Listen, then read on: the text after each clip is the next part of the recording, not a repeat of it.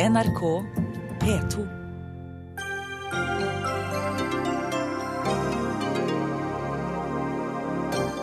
Regjeringen vil sende skip til Middelhavet i august. Imens ender stadig flere ulykkelige skjebner på havbunnen, og EU innkaller til krisemøte. Elbil nummer 50 000 rullet ut på norske veier i dag. Elbilen er en narresmokk, mener kommentator. Bare én av ti gründerbedrifter har suksess etter ni år, og det er som oftest menn som klarer seg. Helt greit, mener Innovasjon Norge. Og når Forsvarets stabsmusikk skal markere 70 år siden frigjøringen, skjer det i samarbeid med et homsekor. Er vi da i mål med frihetskampen i Norge?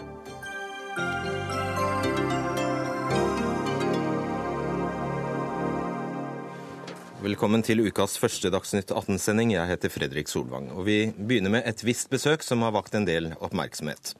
For uh, Norge reagerer skarpt på at den russiske visestatsministeren har avlagt Svalbard en visitt. I dag eh, er den russiske ambassadøren kalt inn til møte i Utenriksdepartementet. Russland hevder nå at det var dårlig vær som tvang visestatsministeren til å mellomlande på Svalbard på vei til Nordpolen, og at han benyttet anledningen til et besøk i Barentsburg. Statssekretær Bård Lad Pedersen fra Høyre, står det til troende? Jeg ser at eh, de har gitt litt ulike forklaringer på dette, og det får de nesten uttale seg om uh, sjøl. Vi har gitt uttrykk for at uh, listeførte personer som er listeført i Norge og i EU fordi at de har hatt en rolle knytta til anneksjon av Krim og folkerettsbrudd i Ukraina, er ikke velkommen, heller ikke på Svalbard. Og da liste? Vi, ja, dette er jo er en del av de tiltakene som EU har eh, gjennomført mot folkerettsbrudd i Ukraina, og som Norge har slutta seg til. Der eh, enkeltpersoner som har spilt en rolle i de folkerettsbruddene, ikke er velkommen til å reise inn i Norge eller i EU. Og vi har fortalt russerne at vi, de er heller da ikke velkommen til Svalbard, selv om lovgivninga i utgangspunktet ikke gjelder. Når Russland da velger å se bort fra, eh, fra, det, eh, så reagerer vi på det. Det har vi et tydelig uttrykk for overfor Russland. Og så strammer vi inn sånn at de, eh, de restriksjonene som gjelder i Norge, eller tilsvarende restriksjoner, også vil hjelpe Svalbard. Og så svarer Russland med et skuldertrekk? Nei, De må jo ta eh, inn over seg at vi eh, reagerer på den måten som vi eh, gjør, og at vi er tydelige på at denne type oppførsel, det å se bort fra de rådene vi har gitt, og den henstillinga vi har, har, gitt, er ikke bra for naboskapet, selvsagt. Mm. Morten, Morten Jentoft, du er NRKs Russland-korrespondent. Hva er reaksjonene fra russisk side? Ja, Vi har jo fått eh, kan du si, en, en uttalelse fra det russiske utenriksdepartementet. En skriftlig uttalelse der, eh, der man gjentar da dette, som, eh, som også ble sagt i forbindelse med møtet mellom den russiske ambassadøren og det norske utenriksdepartementet i dag. At man mener da at disse sanksjonene de gjelder da ikke på Svalbard, og at Dmitrij Ragozin dermed var i sin fulle rett til å besøke Svalbard i går. Man gjentar jo igjen også dette at dette skjedd pga. dårlig eh, vær. Eh, sånn at man, man, vil på en måte tone ned litt at dette var en bevisst eh, provokasjon. Og Jeg fikk også nettopp før sendingen her vite at den russiske utenriksministeren hadde, hadde, et møte, eller i hvert fall traff i dag representanter fra den norske ambassaden her i Moskva. og Der nevnte han da ikke denne saken med et ord.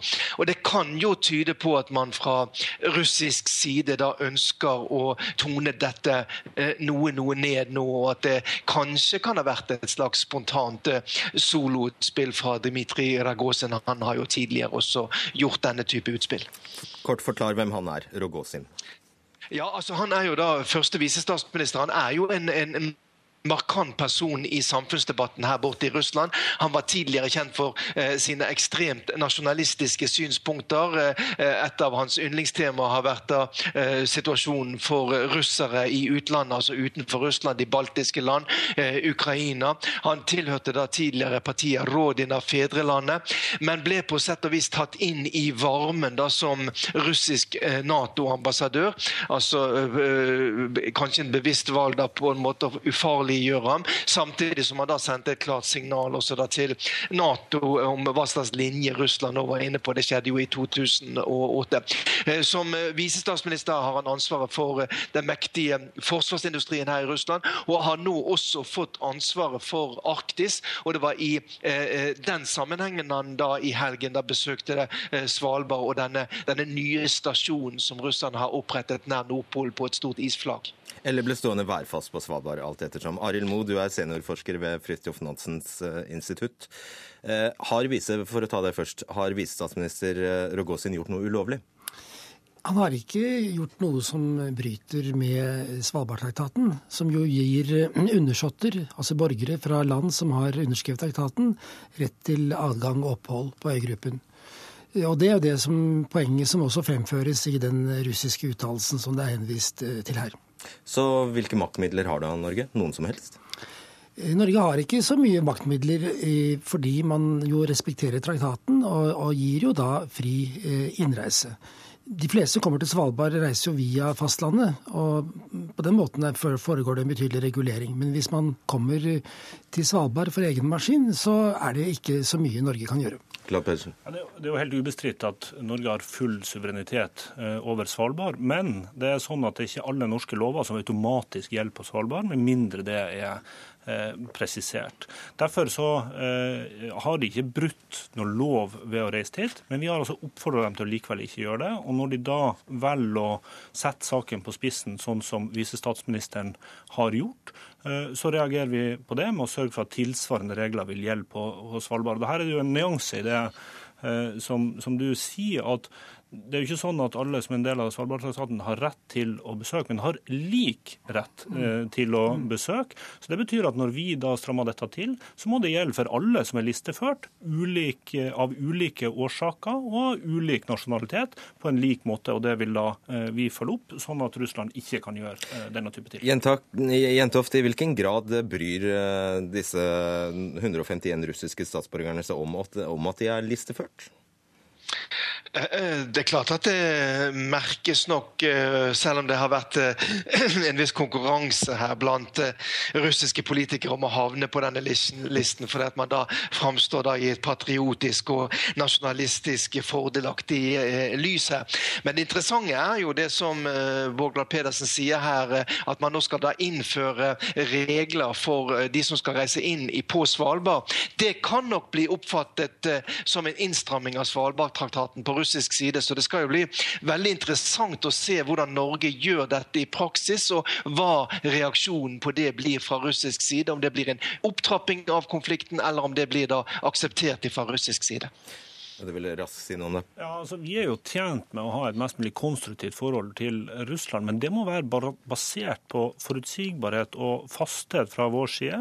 Gjensidig respekt for hverandre eh, og respekt for uh, folkeretten. Og Disse tiltakene er jo innført av en grunn, nemlig at disse folkerettsbruddene som vi har sett i uh, Ukraina, ikke kan få stå ubesvart. og Det må få noen uh, konsekvenser. Og Når de da velger å sette saken på spissen sånn som de gjør, så følger vi, vi det opp. og, og og, sørge for at det ikke kan gjøres igjen. Mo, vi hører altså fra Moskva at det kan være en viss prestisje knyttet til å havne på denne eh, lista. Så når Rogozin da tvitrer 'Arktis russisk Mekka', så uttrykker han kanskje det mange russere føler?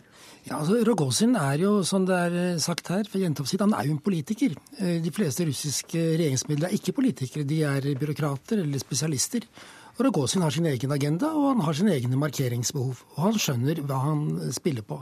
Så, så, i den sammenhengen så agerer han jo som en politiker vil gjøre. Han legger ut beskjeder på Twitter og spiller opp til det han vet er opinion hjemme. Så for hans personlige dels, del så er jo den reaksjonen som kommer fra Norge og protestene, det er bare kjempefint. Det støtter jo opp på ham eh, veldig bra. Men det man skal legge merke til, er at den offisielle russiske reaksjonen, slik som den kommer fra Utenriksdepartementet i Moskva, er etter min mening meget dempet, og ikke egnet til å eskalere denne saken. Og en unnskyldning? Ja, unnskyldning jeg vil ikke Eller en forklaring? Det er en forklaring, men den, ikke, den utvider ikke dette til en, til en, større konflikt. Den er snarere dempende. Tror du Putin ja, jeg skal bare spørre om det, tror du president Putin hadde godkjent et slikt besøk, hvis det faktisk Nei, var et planlagt besøk? Ikke nødvendigvis. Det er ikke slik at absolutt alt som skjer i Russland er godkjent av Putin. Selv slike ting. Det er faktisk et visst handlingsrom for politiske entreprenører i Russland. Det har vi sett tidligere også. Det er ikke noe grunnlag for å spekulere i det, men han er altså første visestatsminister. Vi må på en måte reagerer med utgangspunkt i at han er det, jo, og at han velger å da se bort fra den oppfordringa som vi har gitt til russiske myndigheter om å, eh, at listeførte personer ikke er velkommen til eh, Svalbard. Og så eh, bidrar vi da, eller sørger for at den tiltakslista eller tilsvarende vil gjelde også der når det gjelder, gjelder, innreise. Og Så er det jo opp til russiske myndigheter også å bidra til at vi kan ha et mest mulig konstruktivt naboforhold, også i en krevende sikkerhetspolitisk tid som følge av deres folkerettsbrudd? Jo, det er helt rimelig og at norske myndigheter må, må, reagere offisielt. Men det jeg sier er, hvis man ønsker å forstå russisk politikk, så må man ikke tro at alt er sentralisert. Nei, det. Jentoft, er han populær?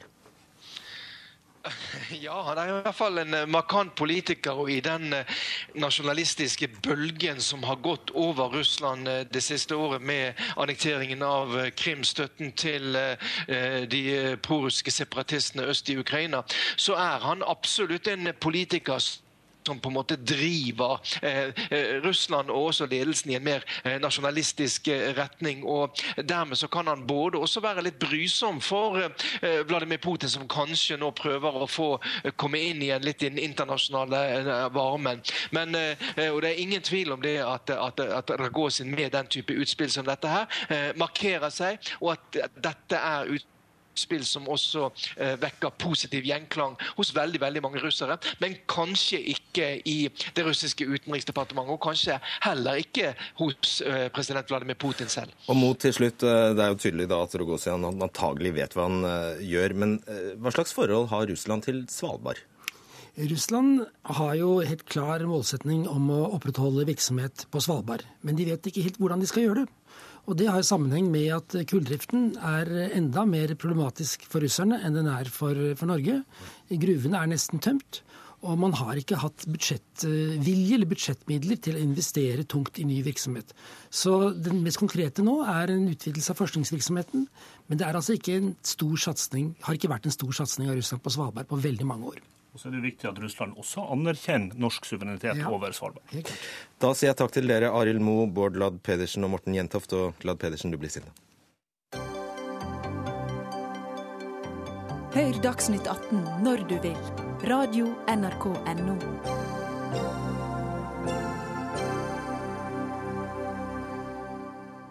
Regjeringen vil sende skip til Middelhavet etter at mer enn 1500 mennesker på flukt til Europa har druknet den siste uka. I går omkom rundt 700 flyktninger da båten deres kantret. Og i ettermiddag kom meldinger om minst én ny båt med flyktninger som er i havsnød i Middelhavet. Statssekretær Bård Pedersen, hva slags hjelp er det regjeringen nå vil bidra med? Vi har eh, tilbudt et skip til eh, EUs operasjon i Middelhavet. Det vil være et skip som vil kunne bidra fra omkring eh, 1.8. Det vi er vitne til nå, er jo Eh, tragedier der mennesker i hundretalls og tusentalls eh, drukna. Vi, eh, vi, hadde, I fjor så var det 3200 mennesker som drukna på flukt over Middelhavet. Vi er over halvveis til det allerede. og den tida på året der flest forsøker å komme over, er ikke engang starta. Da er det viktig at vi bidrar på bred front, og det å bidra med et skip er én av veldig mange tiltak som er nødvendig for å møte den komplekse utfordringa. Og det er et sivilt skip? Det er et sivilt skip. Åse Marit Befring, NRKs europakorrespondent. Du er i Katalan, eh, Catania på Sicilia, hvor eh, de få som overlevde forliset på søndag, har blitt eh, fraktet inn i dag. Hva er siste nytt om antallet omkomne?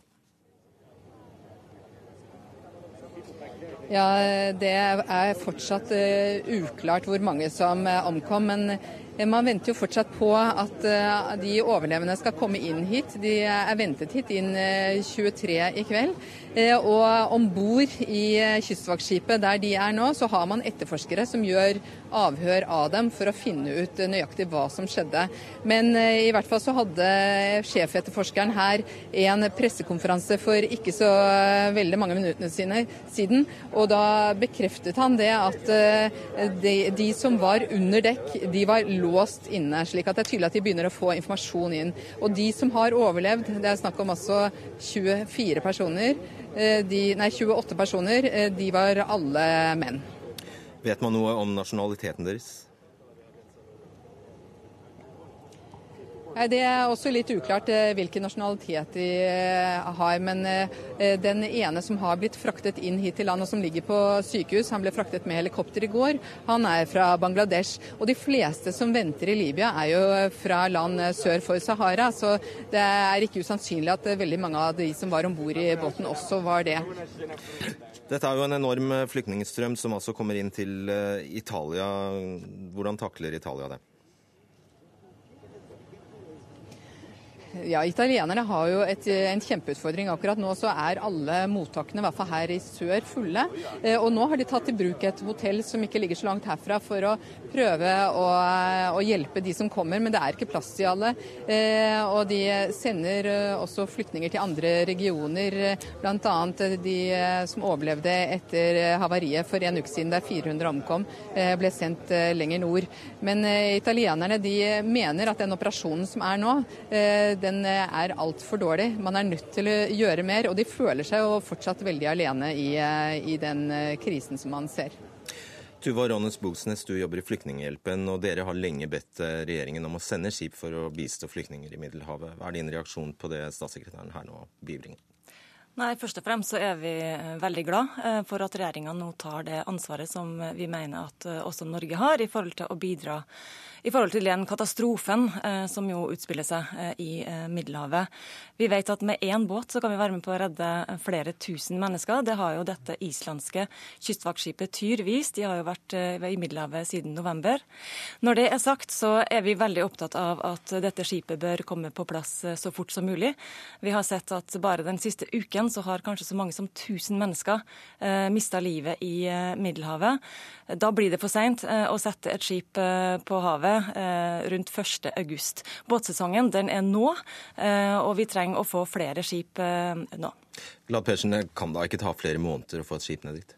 Ja, dette må vi jo gjøre så raskt som vi, vi kan når vi mener at 1.8 er realistisk. Så må det også være koordinert med EU. og Vi har jo lagt vekt på å ha en dialog med dem for å ha et skip som er egnet for å det er klart at dette er en akutt krise, krever akutt handling fra vår side. Men det er også sånn at det er langsiktige perspektiv som er, eh, er nødvendig. Så det å bidra også i den perioden er viktig. Og så har jeg lyst til å si at det, vært, det, å bidra med skip har vært etterlyst. Det mener jeg er veldig viktig at vi nå får det på plass. Det er nødvendig. Eh, utenriksministeren skal til Italia i morgen og vil diskutere disse problemstillingene med sine italienske kollegaer. fordi at den eh, katastrofen som vi ser utspille seg på Middelhavet, gjør det nødvendig. Men så er det også nødvendig at vi bidrar med humanitær eh, nødhjelp i hele Midtøsten, Nord-Afrika på Afrikas Horn, og at vi bidrar til å bekjempe det onde det er at kriminelle, menneskesmuglere, kynisk utnytta mennesker i en akutt, vanskelig, svak situasjon, med den risikoen som de eh, påløper seg for å tjene penger, og ser helt bort ifra tusenvis eh, drukna og dør. Vigdis Fedstad, du er jurist med doktorgrad i flyktningrett eh, ved Institutt for samfunnsforskning. Hvem sitt ansvar er disse båtflyktningene? Det er et internasjonalt felles ansvar. Flyktningepolitikken er jo etablert slik at det er på et internasjonalt nivå. Dessuten så må vi ikke glemme at Middelhavet er den sørlige grensen for Europa, hvor vi har et felles europeisk ansvar. Og for det tredje så er det jo her et spørsmål om en stor katastrofe, et, med et store moralske spørsmål, humanitære spørsmål, som også de andre har vært inne på som gjør at løsningene må finnes nå. De kortsiktige løsningene må på bordet nå, og eh, langsiktige løsninger må også jobbes frem. Men det er viktig at Europa nå bygger opp et kapasitetssystem som er robust nok til å kunne ta imot de personene det gjelder. At, har, at man har et mottakssystem, at man har et asylprosedyresystem, og at man kan gi den beskyttelse til de som trenger det. Og de som ikke trenger det, kan da eh, returnere. Og da er det altså slik at vi har et uh, regelverk som kalles uh, Dublin-avtalen. Som da går ut på at mennesker som søker asyl i det første europeiske landet de kommer til, skal få be søknaden behandlet uh, der. Og så hører vi om situasjonen fra Italia, der systemet er i ferd med å knele. Hva er, den, hva er da løsningen på dette? Altså Et av de konkrete løsningene, og noe som vi kan bidra til også fra vår side, det er jo nettopp at vi ikke bruker Dublin-prosedyren nå i denne store krisesituasjonen. Eh, det har vært tidligere foreslått at man ikke skal bruke det i forhold til flyktninger fra Syria f.eks. Men det kan også gjelde i, forhold til andre. En annen ting, konkret løsning, ville være at vi tok inn flyktninger på midlertidig beskyttelse, slik at man kunne hjelpe flere og raskere. Og at vi fikk bedre kvoteordninger på plass, bl.a. Og eh, ikke minst også dette som vi har vært inne på allerede, med eh, redningsaksjoner. At man har kapasitet eh, i redningstjeneste til å kunne gå kystnært og også hjelpe de som er nær Afrika. Mm. Bosnes, du kom nettopp tilbake, kom tilbake fra Sicilia for et par uker siden. og Der møtte du mange av de som har gjennomført en slik strabasiøs båttur. Hva forteller de? De forteller mange dramatiske ting. Eh, veldig mange jeg møtte, var unge gutter som har kommet alene. Eh, jeg møtte bl.a. en gutt som het eh, Ahmed fra Gambia. Han var 17 år. Han hadde reist gjennom fem land eh, for å komme til Sicilia. Han hadde i utgangspunktet ikke tenkt seg til Europa, han hadde tenkt seg til Libya. Men da situasjonen ble så ille der, så fant han ingen annen løsning enn å forsøke å ta seg over til Europa. Eh, han beskriver en eh, ferd hvor han eh, først i Libya blir kidnappa, og hvor kidnapperne forsøker å få penger ut av familien hans i Gambia. Dette forteller mange. Så havner han på denne båten, hvor han beskriver en total stillhet. Ingen får lov til å snakke, og ingen egentlig vet helt hvor lenge de skal være der, eller hva som møter dem. Han var to dager på denne båten. Da italienerne kom for å redde dem, så sa han at det var som å få, var som å få livet på nytt i gave. Eh, og dette er jo en historie om eh, bare én av 220 eh, 000 skjebner som jo i fjor valgte å ta denne sjøveien over til Europa. Det vil mange spør seg om, er hvor ille kan det være der de kommer fra, når de er villige til å gjennomgå noe sånt? Hva er svaret på det? Jeg tror at det er vanskelig for oss å forstå. Det er mange årsaker til eh, at eh, folk forsøker å ta seg over eh, Middelhavet. Det er jo en sammensatt migrasjon, dette. Det er jo både de som har reist pga. økonomiske årsaker, men så er det veldig mange som reiser pga. krig og konflikt. Over halvparten av de som tok seg over Middelhavet i fjor, kom jo fra Eritrea og fra Syria. To land hvor vi jo vet at situasjonen er håpløs for mange. Eh, og da er det eh, forståelig eh, at de forsøker å få et bedre liv. Og mange velger da å ta denne farlige reisen over Middelhavet. Jeg glemte nesten helt at har, vi har med oss Anniken Huitfeldt, leder i utenrikskomiteen fra Arbeiderpartiet. Hvordan reagerer du på at regjeringen nå har bestemt seg for å sende et skip i august? Jeg tenker endelig, fordi Rederiforbundet har varslet om dette over lang tid. I Arbeiderpartiet har vi stilt spørsmål i Stortinget til regjeringen flere ganger. Det er positivt at de nå sender et skip. At dette skal sendes 1.8. Hvis det er mulig å gjøre det før, så tror jeg det er viktig. Det som er grunnen til at mange er ofre for disse tragiske drukningsulykkene, er at antall redningsskip har gått ned. Fordi italienske myndigheter har rett. De kan ikke ta hele dette ansvaret alene. Resten av Europa må også stille opp. Men det forteller jo også noe om situasjonen i landene de flykter fra. Vi klarer ikke å ta imot alle disse flyktningene i Europa, men vi kan bidra med bistand og utvikling. Og vi kan ta noen av disse flyktningene, bl.a. fra Syria. Bård Lodd Pedersen, eh, et system der vi f.eks. opphever eh, midlertidig eh, reglene i Dublin-avtalen, eller der vi gir midlertidig opphold, kunne det være noe å tenke på? Ja, det er ikke det primært Utenriksdepartementets ansvarsområde, men det er jo ikke noe tvil om at vi må være med å ta vår del av ansvaret. Vi har oppretta en egen kvote for flyktninger fra Syria, og vi har økt den kvoten. Så vet jeg at det er noen som vil at vi skal øke den ytterligere, men vi har i hvert fall gjort eh, det. Eh, så bidrar vi med et skip, og nå er jo beslutninga tatt i eh, dag, så det handler om å implementere det. Så har vi økt bidragene til humanitær nødhjelp. Det må jeg si at det er budsjetter som har uh, fått ligget for langt bak, som ikke har økt i takt med uh, behovene. men som vi har Er det en halv milliard Norge i ja, vi har, Nei, vi har økt med en halv milliard bare i uh, år i humanitær nødhjelp. Og bare til Syria har vi så langt i år lova at vi skal gi 750 millioner kroner. Det er en kraftig opptrapping. Behovene er helt enorme, ikke bare i Syria. Vi har fire nå sånne såkalte kategori tre-kriser, som er de største humanitære krisene du kan se for deg. Alle fire er politisk skapt. Eh, og man ser ikke noen politisk løsning, i hvert fall ikke i eh, nær framtid. Så det å trappe opp den innsatsen i de landene som er ramma av disse humanitære krisene, er det aller, aller viktigste eh, vi kan gjøre. For det er det som kan gjøre at folk ser en mulighet et annet sted enn å ta denne type risiko. Og så må vi altså stille opp og bidra sånn som vi da eh, nå gjør, for de som tar den risikoen. Men ved EFSA så kommer de seg, altså hvis de overlever, så kommer de seg også til Europa. Men hvor mange av dem får da bli? Hvor mange har reelt beskyttelsesbehov og får asyl? Det har jo faktisk vist seg at det er veldig mange, det er en stor andel av de som tar seg over, som har beskyttelsesbehov. Og det har jo en sammenheng med den krisen som er i Syria og også i Eritrea, altså på Hornet.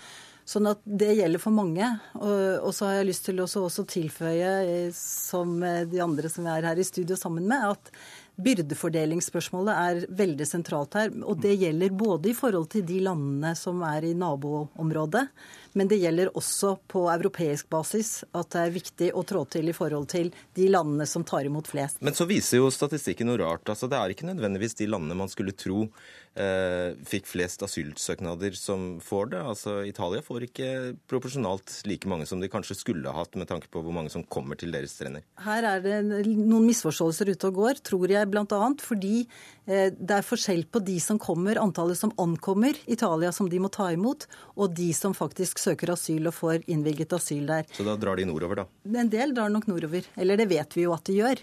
Men Italia er jo også blant de ti landene i Europa som tar imot flest og gir asyl til flest flyktninger. Mm. Det er jo en sammensatt gruppe som kommer. Jeg mener at det er viktig at, eh, det, eh, at EU nå på toppnivå senere denne uka skal ha satt denne problemstillinga på eh, dagsorden. For dette kan ikke overlates til Italia eller til enkeltland alene. Det er viktig at vi adresserer dette i fellesskap. Og det er viktig også for Norge, for selv om vi ikke er medlem av EU, så er vi medlem av Schengen.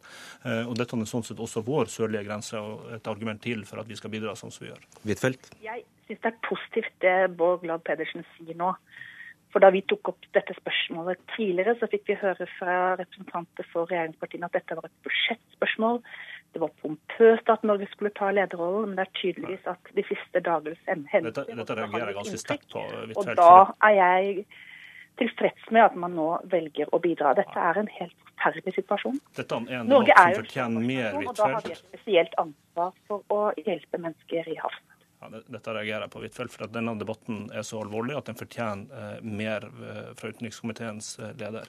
Vi stiller opp og bidrar med skip. Vi stiller opp og bidrar humanitært. Vi har trappa opp bidragene langt utover det som en Arbeiderparti-ledet regjering har gjort. Vi skal også bidra til å bekjempe menneskesmugling, de kriminelle nettverkene som kynisk utnytter mennesker i nød. Eh, og Dette tror jeg vi kan stå felles om i Norge, om at vi skal bidra og vi skal ta vår del av ansvaret. Det gjør vi. Svar raskt på det, Huitfeldt. Vel, Da jeg sa dette for en uke siden, så sa medlem av utenrikskomiteen fra Frp at jeg var pompøs. Hvis nå regjeringen har en annen holdning og da Pedersen er enig med meg, så kan vi avslutte denne diskusjonen. Det har tatt lang tid, men jeg er glad for at bidragene nå kommer. Buksnet, helt på tampen, altså, Bård Ladd Pedersen nevner eh, dette med menneskesmuglere hyppig her. Eh, og Den italienske statsministeren eh, sa i dag at man vurderer å aksjonere mot dem i Libya. Hva syns du om slike løsninger? Ja, Det er kjempeviktig. Menneskesmuglerne er jo en av årsakene til at folk blir satt i disse båtene. Så det er kjempeviktig. Det vet vi at Triton, altså denne EU-operasjonen, gjør allerede i dag. Men det som er veldig viktig, at, eh, at, eh, norske politikere tar med seg, eh, og at, vi, at, europeiske politikere også diskuterer denne uka, er jo at man må utvide mandatet til Triton. I dag så stanser jo det ved 30 nautiske mil ved Italias kyst. De fleste redningsoperasjonene foregår på internasjonalt farvann og nær Libyas kyst. Så det er veldig viktig at dette ikke bare blir en grensekontrolloperasjon, men faktisk blir en reell redningsoperasjon som også opererer utenfor Libya. Og så er jeg veldig redd for at dette ikke var siste gangen vi diskuterte dette. Takk, Anniken Huitfeldt. Åse Marit Befring fra Sicilia, Vigdis Svedstad, Tuva Rånes Bogsnes og Bård Ladd Pedersen.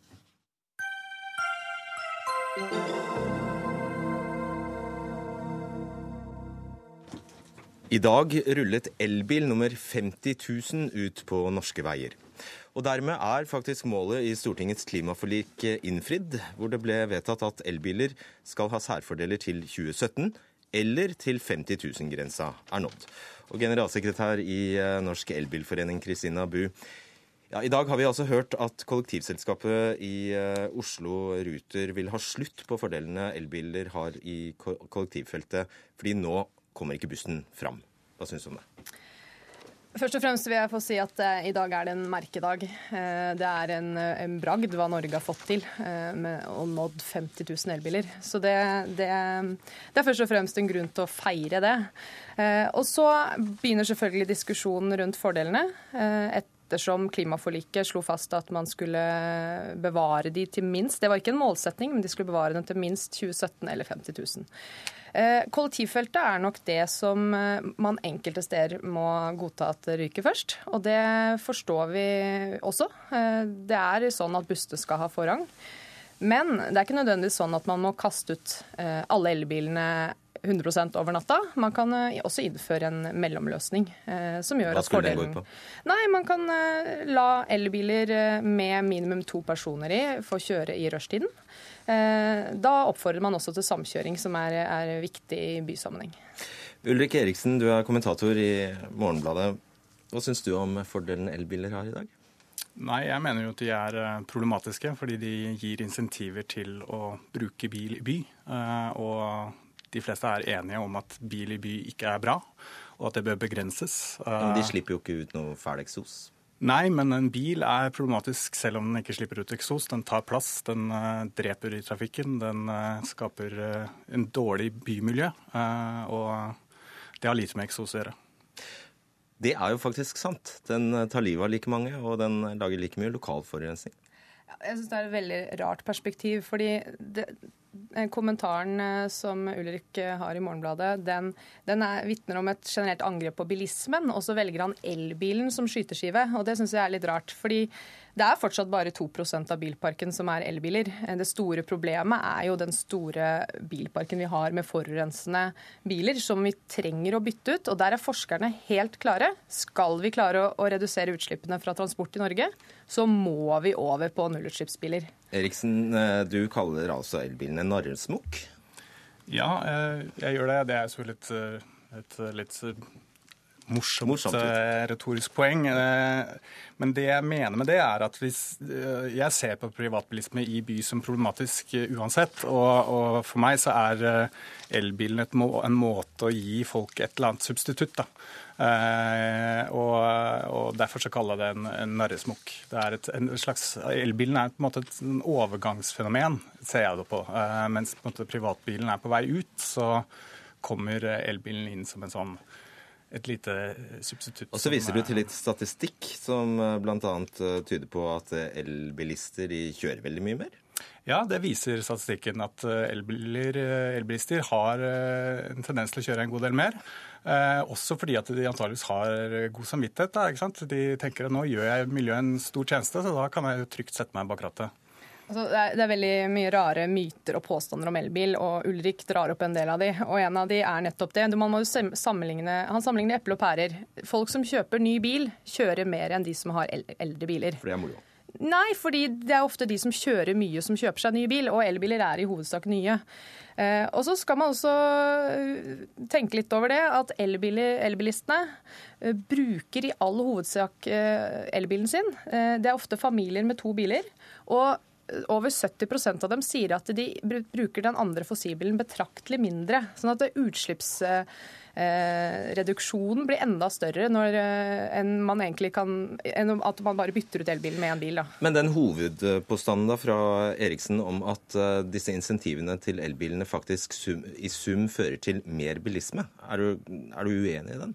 Ja, det er jeg uenig i. Og dette her handler jo ikke Man må jo ha to uh, tanker i hodet på en gang. Dette handler om en markedsintroduksjon, en fødselshjelp til en ny teknologi som vi er helt avhengig av hvis vi skal redusere utslippene fra transport.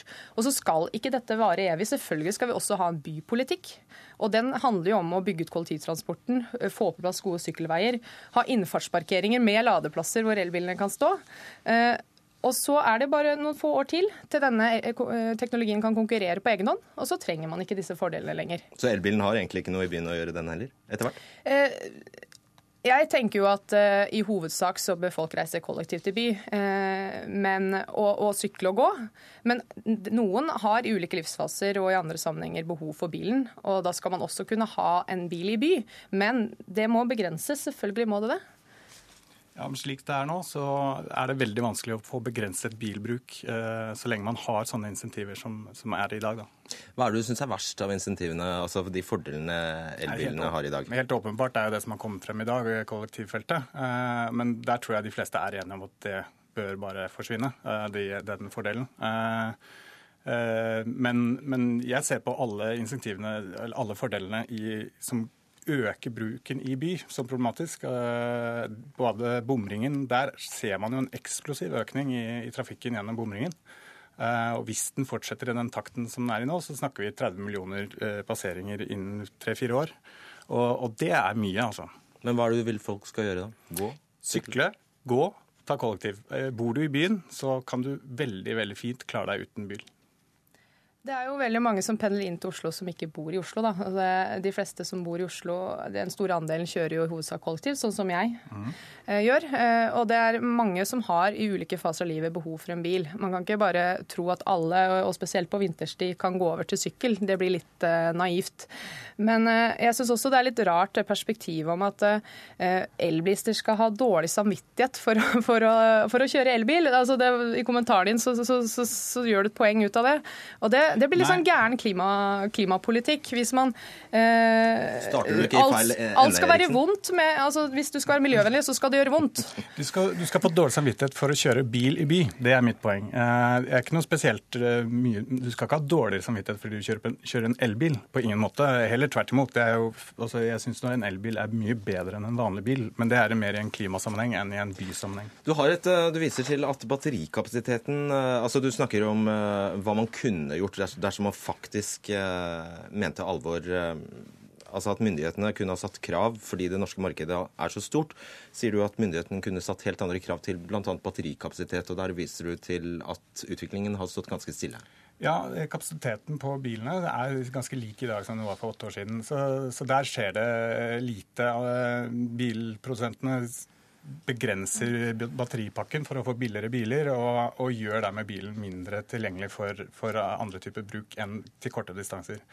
Eh, der er muligheten for å, å lage noen uh, insentiver som, som, skaper en annen uh, dreining på trafikken, uh, mulig. Men det, det fins ikke noen sånne insentivkrav. Uh, ah, her er du ikke helt oppdatert, må jeg si.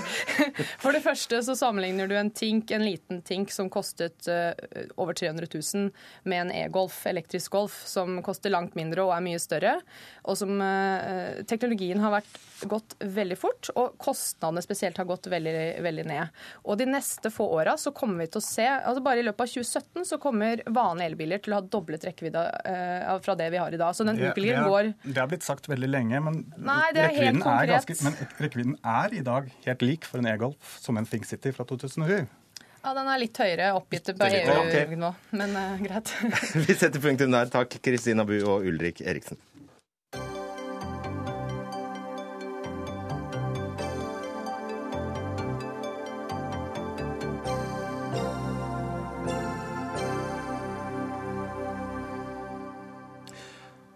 Om noen uker, den 8. mai, er det 70 år siden frigjøringen i 1945, og avtalekalenderen til Norges største profesjonelle blåseorkester, Forsvarets stabsmusikkorps, er full.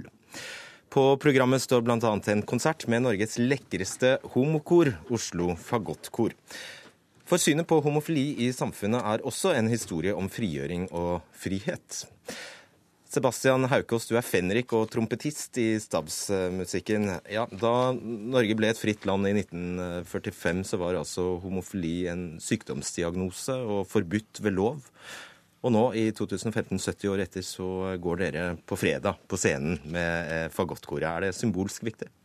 Klart det er symbolsk viktig. Altså, vi eh, med stabsmusikken har et eh, frigjøringsår nå i 2015 som vi markerer på veldig mange forskjellige måter. Annet med offisielle seremonier og også vår vanlige konsertserie som går på Ridehuset stort sett uh, ukentlig. Og det er stikkordet menneskelig frigjøring? Ja, det er det. Og uh, vi har hatt uh, en konsert titulert Freedom Fighters, som var en hyllest til frihetsforkjempere opp gjennom tidene. Og vi skal også ha flere konserter med det samme temaet innenfor frigjøring. Andreas Birger Johansen, du er utsendt fra Oslo Fagottkor. Først til dem som ikke kjenner dere, hvem er dere? Oslo Fagottkor er eh, egentlig mer et showensemble enn et kor. Og vi er 30 eh, ca. homofile menn som synger sammen. Har gjort det i ti år i fjor. Så vi har eh, konserter rundt omkring i Norge og litt i utlandet, og underholder for en ja, skryt på oss nesten 10 000 i året. Og dette skal altså være en feiring, det dere gjør nå, av frihet og frigjøring. Blir det bare homohistorie, da?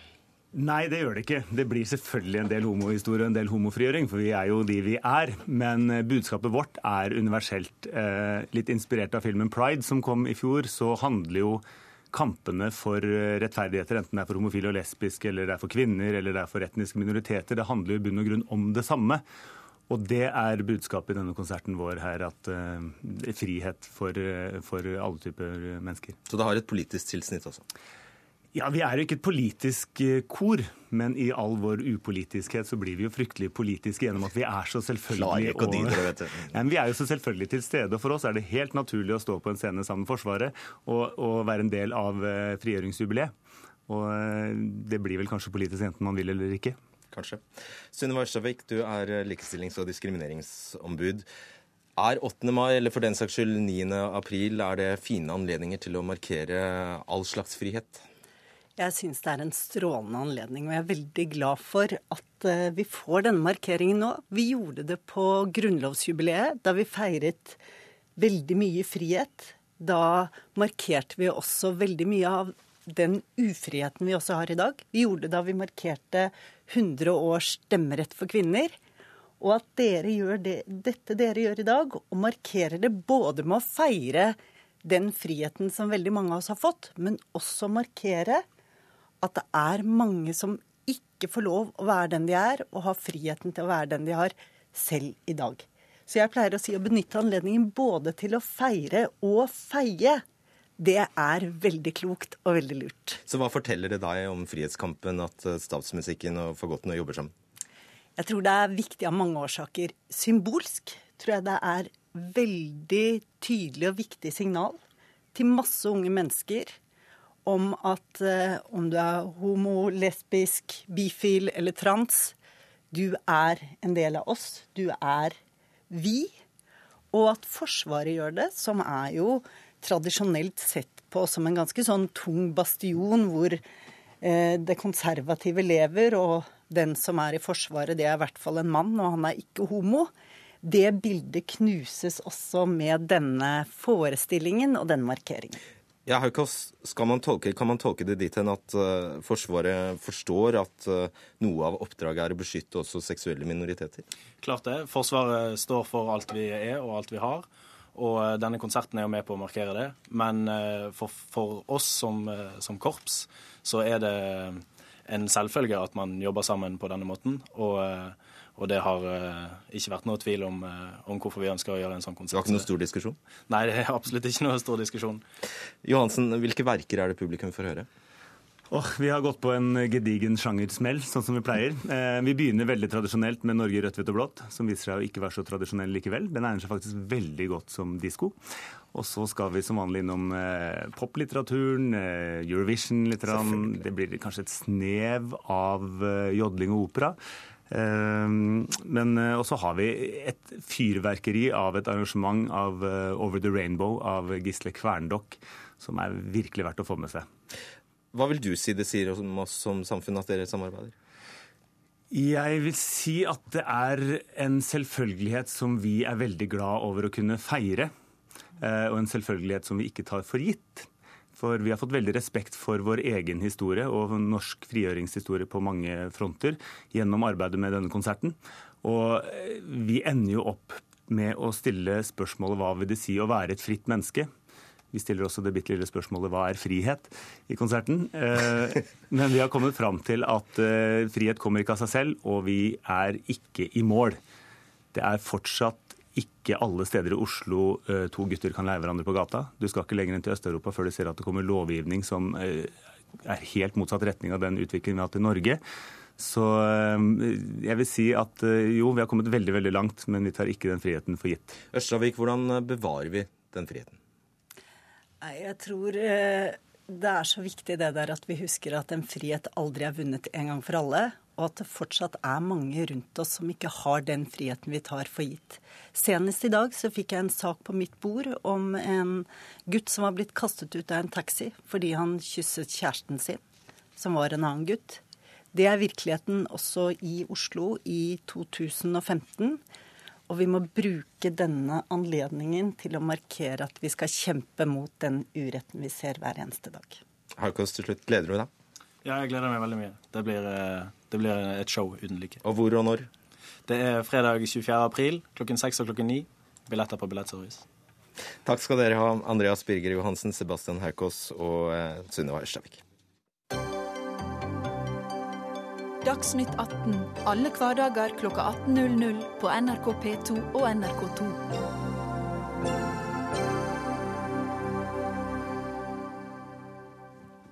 De fleste som forsøker å starte egen bedrift, klarer det ikke.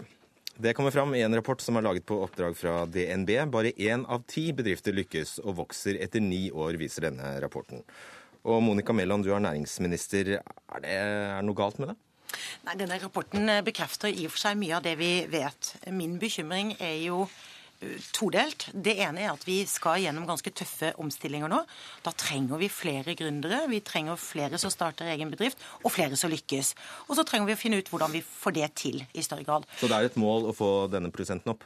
Absolutt. Og det som er den andre bekymringen, er jo at vi i Norge har eh, fått stadig færre gründere i stedet for flere. og Det betyr at vi ligger under gjennomsnittet i OECD, og at andelen er gått ned. Det handler jo om at vi har hatt en så enorm styrke på mange områder. Vi har hatt nesten ingen arbeidsledighet, eh, og det har gått veldig bra. Men nå ser vi et behov for å legge til rette for flere gründere, og det skal vi gjøre nå gjennom en gründerplan. Ja, det har du varslet. Eh, Leo Grünfeldt, du er forsker i eh, Menon. Eh, var det noe som overrasket deg i arbeidet med denne rapporten? Ja, flere ting egentlig. For det første så visste ikke jeg i utgangspunktet at det var så mange mennesker som var opptatt av det å bli gründer. Okay. Altså det at det fins én million personer der ute som enten ønsker å bli gründer eller har blitt det, og som lever av det da enten på heltid eller, på, eller bare som delvis inntekt, det er, jo helt, det er jo helt fantastisk. Det er at Vi snakker om at én av tre personer i yrkesfør alder er, er, en eh, potensiell gründer. Det, det mange som kjeder seg på jobben? Jeg tror det. Det er mange som ønsker å få frihet og skape noe selv. Det tror jeg er noe iboende i oss selv. Så, så det er jo et fantastisk potensial for å skape verdier gjennom gründerskap. Og Så er det bare spørsmål hvordan man skal få dem til å skape. Ja, en liten, liten, kommentar til han. Jeg skal bare introdusere deg først. Anita Krohn Trådseth, du er altså direktør i Innovasjon Norge. Sånn, vær så god. Eh, en liten kommentar til, til det du sier, for det er et veldig viktig poeng å, å, påpeke. fordi at Norge er faktisk et av de landene i OECD, faktisk et av verden, hvor entreprenørskapslysten er den største. Den har økt fra, eh, fra 59 til 83% Så det er litt morsomt også at det gjenspeiles i, i rapporten rapporten din, så det var betryggende. Og med det samme du er i gang, hva skal til da for at flere lykkes? Jeg tror først og fremst så eh, er det viktig å forstå at selve dramaturgien i gründerskap, at vi har 75% som faller fra, den er helt lik den samme som den er f.eks. i Silicon Valley, som jo er på en måte litt i verdensklasse på å drive med gründerskap. De har akkurat samme failure-prosent. Ja, for du sier mer eller mindre at dette er som det skal være? Ja, dette er som det skal være. Det som er viktig for oss i Norge, det, jeg vet også hvor mye skal vi som liten nasjon tro at vi kan endre på den? Det vi må endre på, det er å få flere vekstbedrifter. Fordi 50% av nyetablerte bedrifter som gjennom presentert i dag, er enkeltmannsforetak. Vi trenger å få fram mer vekstbedrifter. Men så skal vi ikke kimse av enkeltmannsforetakene. Vi er et SMB-land, og det skaper og det? Eh, small medium business. Takk. Vi er et lite, lite, land med mange små bedrifter. Og det betyr at når man lager attåtnæring ute på gårder hvor som helst, så har det en, en, en, et viktig bilde i en samfunnsøkonomisk perspektiv. Så vi skal ikke si at de er A- og B-lag. Vi trenger begge deler. Og så sitter du på den største pengesekken her. Det stemmer? Jeg vet ikke om jeg sitter på den største, men vi sitter på noe, i hvert fall. Ja. Ja. Truls Berg, du er seriegründer og generalsekretær i Innovation Forum Norway. Eh, hva skal til for at flere lykkes, etter din mening? Jeg tror det først og fremst handler om å sørge for at man får flere som heier på de som tør å satse. Eh, det ble sagt allerede her at eh, Norge trenger eh, gode gründere. Og det er ikke slik at alt kommer til å lykkes, men det er også helt sikkert at det er flere som må gjøre det. Og det blir litt spesielt at vi i Norge med ca. 26 milliarder som satses fra det offentlige, ikke da har gjort det enda enklere. Blant annet eh, penger. og sånn, i, i, så sett så er det både Forskningsrådet, det er SIVA. Det, det finnes også et virkemiddelapparat som, eh, som håndteres gjennom flere departementer. og eh, Anita Krohn Traaseths Innovasjon Norge er den viktigste aktøren på det markedet. Og Da sier du at det finnes nok penger, de bare deles ikke ut riktig? Eh, jeg er vel ikke blant de som nødvendigvis sier at det kanskje noen gang blir nok penger. Og så er det ikke sikkert at det skal bli nok penger. Okay. Jeg tror ikke det er sånn at alle ideer skal lykkes, men jeg tror vi er veldig eh, ille ute hvis vi lener oss tilbake nå og sier at vi har funnet, eh, funnet modellen. Det har vi etter min mening ikke. Det er altfor vanskelig å å få til tingene, og det tar for lang tid i en verden som eh, nå endrer seg uhyggelig raskt. Og raskere kommer det til å bli. Grünfeldt, eh, hvem er, hvem er det som lykkes? Ja, det er eh, veldig mange. Men um, Den typiske? Ja, så, ikke sant? Det er noen som er litt mer typiske enn andre. Um, uh, hvis du skulle liksom sette opp formelen for en som uh, typisk vil lykkes, så er det en uh, mann som er i alderen 40 til 50 år og som har en god del erfaring, gjerne fra arbeid i et stort selskap. Kanskje hvis, vi til og med hadde laget en sånn ekte prototyp, så hadde han kanskje startet allerede en bedrift tidligere også. Men eh, det at han starter med at han har erfaring fra en stor bedrift, eh, og, ta, og kanskje starter opp sammen med noen andre fra den samme bedriften, og kjenner til kundene, kjenner til miljøet, vet hvordan mutter'n skal passe inn på skruen, det gjør at du har veldig stor sannsynlighet for å lykkes. Eh, men så har ikke jeg sagt noe om hvordan den skruen egentlig ser ut. Eller, for det er, det er det secret formula. Og hadde jeg hatt den, hadde så hadde jeg, ikke, da hadde jeg ikke sittet her. Nei, ikke sant. Og hvem er det som ikke lykkes? Ja, altså, nå er det jo liksom, Hva mener man egentlig med å lykkes, da? Eh, F.eks. så ser vi jo at det er mange eh, aktører innenfor litt mer sånn tradisjonelle omsorgsyrker, pleie, sosiale tjenester, kanskje dagligvarehandel og sånne ting, hvor, hvor, det er mye vanskeligere å få til vekst og det å lykkes. Eh, men hvor du kan fint klare deg med litt penger. Og Det er det vi gjerne kaller for liksom lunter og gård. Blant dem finner du også mange enkeltmannsforetak som ikke har noen voldsomme vekstambisjoner. Men det er jo å lykkes for noen. Eh, men hvis vi virkelig skal skape vekst og, om, og, omstilling i samfunnet, så er vi avhengig av å få opp de litt store, tunge motorene som drar oss inn med nye teknologier. Jeg ville ha deg til å si eh, kvinner nå, for da skal jeg hadde et spørsmål om kvinner. Eh, det har jo vært en del oppslag basert på din undersøkelse de siste dagene om at kvinner er de som typisk ikke lykkes like godt, og det bekrefter du jo for så vidt. Er det et problem for deg, Mæland? Ja, det er det absolutt, og det er altfor få kvinnelige gründere. Eh, de fleste gründere er menn. Eh, tre fjerdedeler er menn, så vi trenger flere kvinnelige gründere. Det kan vi få til hvis vi legger til rette for det innenfor områder hvor kvinnene erfaringsmessig er sterke, altså helse- og omsorgsyrker typisk. Eh, større grad av konkurranseutsetting og privatisering vil føre til mer innovasjon, flere selskaper og flere kvinnelige både gründere og ledere. Jeg opplever at gründerne melder om tre ting. Det ene er inntektsusikkerhet, eh, som mange har, og som vi må ha en kultur for. At det er en risiko å være gründer, eh, og det er usikkert eh, om du lykkes. Det er, som Anita sier, en del av dramaturgien. Det andre er tilgang på kapital. Der har vi mange ordninger. Spørsmålet er er de ordningene innrettet godt nok. Treffer de gründeren? Er det vanskelig å finne frem i det offentlige? Og det tredje er kunnskap. Eh, jeg pleier å si at ingen av oss er født gründere eller entreprenører. Vi må lære dette. Eh, og vi ser en del skoler, både ungdomsskoler og videregående skoler, som satser på ungt eh, entreprenørskap, og som satser på å lære de unge hvordan det er f.eks. å starte egen eh, bedrift. Så det er veldig mange faktorer som, som kan forbedres. Ja, og Her syns jeg Mæland starter i helt riktig retning. Starter, starter på skole- og utdanningsnivå. Fordi at det er ikke overraskende at tre av ti gründere er kvinner. Det henger veldig på greip med at det bare er 3% kvinnelige ledere også. For at når du er gründer, så er du bedriftsleder.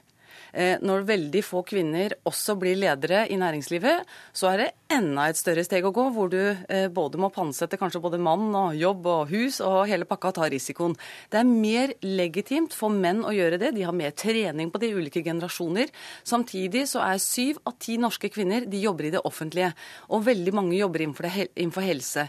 Veldig mange av oppstartsselskapene som har lykkes med vekst. Det er ikke så legitimt for en sykepleier å ha, ha verdensherredømme ambisjoner innenfor det offentlige. Heldigvis så ser vi at sykepleierne nå stepper opp og finner gode løsninger som det kan bli mye eh, god norsk forretning på. Men det har eh, tidligere vært i olje og gass, ikke sant? det har vært i finans, i IT-næringen, hvor det er gutta som har gått foran, og det er de som har hatt de store ambisjonene. Så jeg syns at vi finner at det er sånn, jeg, jeg syns ikke det er rart. Men dette her vil ta tid. Jeg tror vi må fokusere på noen konkrete tiltak der hvor kvinnene faktisk er i dag, hvis vi skal kapitalisere på hvor de er i dag. Og vi må begynne, som Monica Mæland gjør, i skolen og i utdanning for å snakke om entreprenørskap på tvers av faglinjer. Berg. Ja, altså, eh, så I og med at vi egentlig ønsker å bli en av verdens mest innovative land, så må vi jo være gode både kvinner og menn. Og de som lykkes best, er jo de som bygger gode gründerteam. Og da i et godt team så har man forskjellige sterke sider. Og jeg oppfatter at det med likestillings- og gründerdebatten som to helt forskjellige saker. Og ære være alle som tør å satse, enten de er unge eller gamle.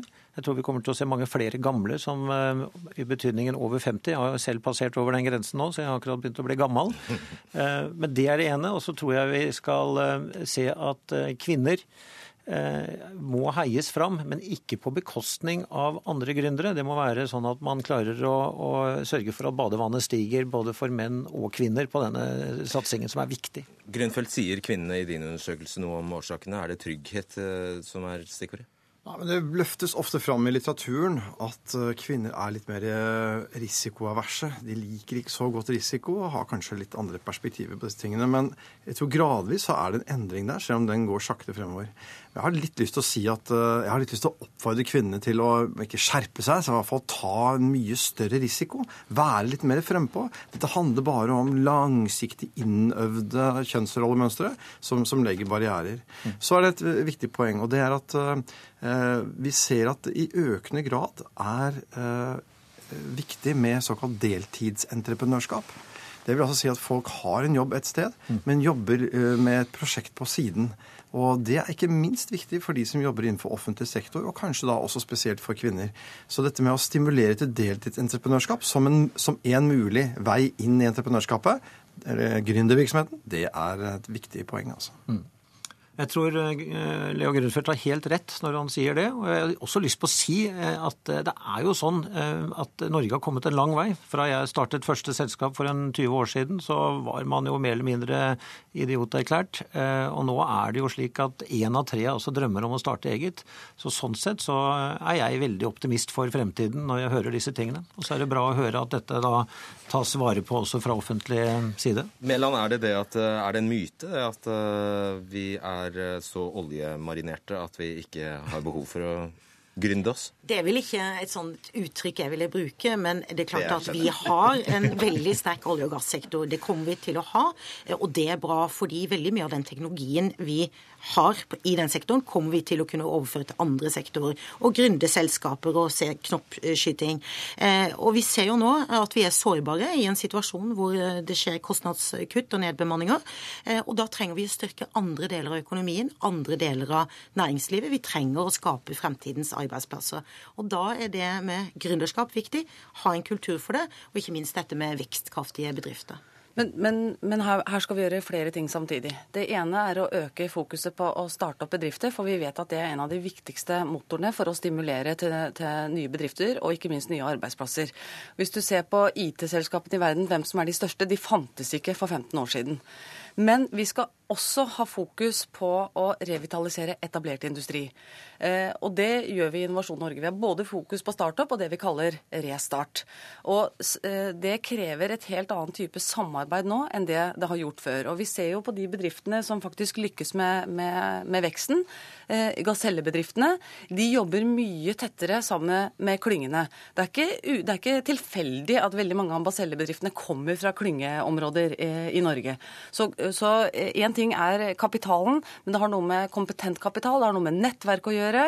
Og den, eh, den sammenblandingen der, vi må ha to tanker i hodet samtidig. Og ikke ditche småentreprenørene, for de har også en viktig samfunnsøkonomisk oppgave. Da får vi bare la ut, eh, oppfordringen gå ut. Grynd i vei. Monica Mæland, Leo Grünfeldt, Anita Krohn Traaseth og Truls Berg, tusen takk skal dere ha. Og da skal jeg bare si at ansvarlig for denne sendingen var Alf Hartken. Lisbeth Sellereite satt i teknikken, og jeg heter Fredrik Solvang.